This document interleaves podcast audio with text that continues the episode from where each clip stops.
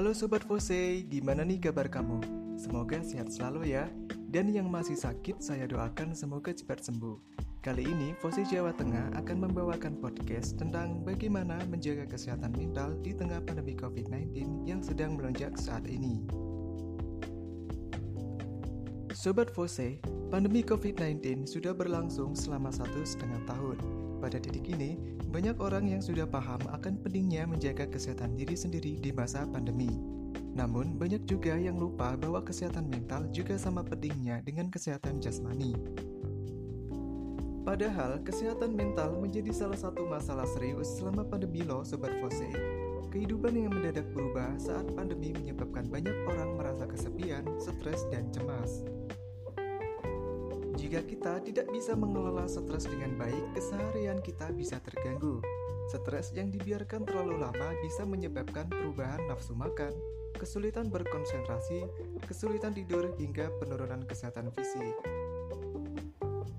Dikutip dari The Indonesian Institute, berdasarkan data yang dihimpun Perhimpunan Dokter Spesialis Kedokteran Jiwa Indonesia dari bulan April hingga Agustus tahun 2020, Sebanyak 3.443 orang melakukan periksa dengan keluhan masalah psikologis.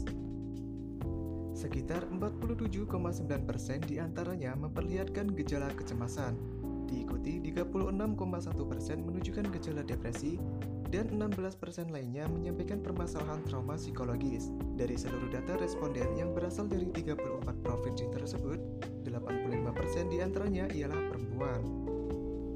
Nah, Sobat Fose, bagaimana caranya supaya kita bisa menjaga kesehatan mental supaya tetap waras selama pandemi? Tim Fose sudah merangkum tips-tips yang bisa kita contoh untuk membantu mengelola kesehatan mental selama pandemi. Mari kita simak pembahasan berikut. Tips pertama yang dapat kalian lakukan adalah dengan mengurangi mengonsumsi informasi soal pandemi. Tidak ada salahnya mengikuti perkembangan informasi soal pandemi. Namun, terus-terusan terpapar informasi tersebut bisa berdampak buruk pada mental. Jika kamu merasa jenuh dan kewalahan dalam menerima informasi, ada baiknya untuk mengurangi intensitas berita yang dikonsumsi sehari-hari. Tips yang kedua adalah menjaga kesehatan jasmani. Kesehatan jasmani dan mental sangat berkaitan.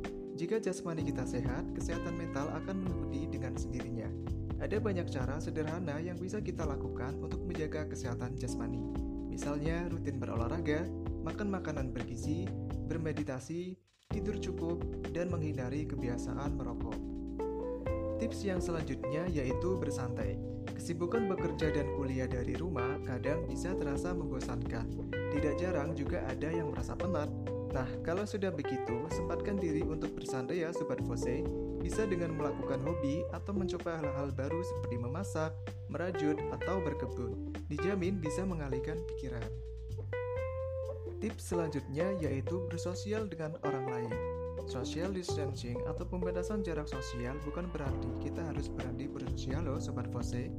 Saling mendukung satu sama lain justru menjadi kunci untuk hidup di masa pandemi. Beruntungnya, pandemi ini terjadi di masa teknologi sudah berkembang pesat ada banyak sekali sarana berkomunikasi yang bisa kita manfaatkan tanpa harus beratap muka langsung. Nah, Sobat Fose, ada kalanya kita butuh orang lain untuk mendengarkan keluh kesah kita selama masa sulit ini. Menyampaikan keluh kesah kepada orang terdekat memang menjadi obat yang ampuh untuk meredam rasa stres atau cemas yang mengganggu pikiran.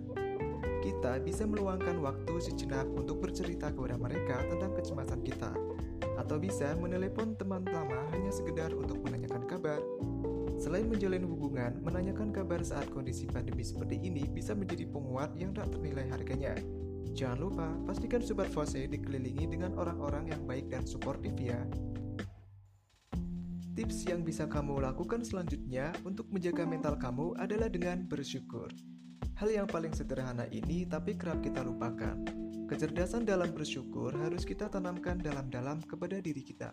Luangkan waktu untuk menghirup udara segar dan sampaikan rasa syukur kita. Sebutkan apa saja yang kamu syukuri sampai saat ini. Selain menenangkan, hal ini juga akan menjadi kebiasaan baik yang bisa kita lakukan setiap hari. Tips yang selanjutnya adalah membatasi waktu bermain media sosial. Siapa nih Sobat Fose yang susah banget buat mengurangi aktivitas di media sosial? Boleh kok main media sosial, tapi jangan sampai menjadikan overthinking dan semakin cemas karena melihat pencapaian orang lain. Gunakan media sosial dengan sebijak-bijaknya ya. Tips terakhir yang dapat kamu lakukan yaitu dengan membuat jurnal. Eits, membuat jurnal di sini bukan membuat jurnal penelitian yang ada di Sinta maupun Scopus ya, tapi jurnal keseharian seperti halnya menulis diary. Bagi kamu yang suka curhat di media sosial, saya sarankan untuk mulai mengurangi curhat di media sosial. Selain dampaknya juga tidak terlalu baik, kamu juga akan menghabiskan banyak kuota internet. Lebih baik ambil jurnal dan mulai menulis. Sebuah penelitian menyebutkan bahwa menulis adalah sikap ekspresif kejujuran atau tanpa sensor. Kamu bisa meluapkan emosimu tanpa takut dihakimi dan dikomen banyak orang. Kamu bisa menulis semua kecemasan, kekhawatiran, dan stres yang mengganggu pikiranmu di sebuah kertas. Kamu boleh menyimpannya atau meremasnya dan membuang jauh-jauh kertas tersebut beserta masalah yang sudah kamu tulis. Dijamin kamu akan merasa lebih lega. Nah, itu tadi cara-cara yang bisa kita terapkan untuk menjaga kesehatan mental. Jika Sobat Fose merasa butuh bantuan dalam menangani masalah kesehatan mental, jangan ragu untuk menghubungi profesional seperti psikolog atau psikiater ya. Selalu jaga kesehatan dan selalu menjaga pikiran agar selalu happy. Podcast kali ini sampai di sini dulu ya Sobat Fose. Saya Hakiki dari Keilmuan Fose Jawa Tengah pamit undur diri dan sampai ketemu kembali. Wassalamualaikum warahmatullahi wabarakatuh.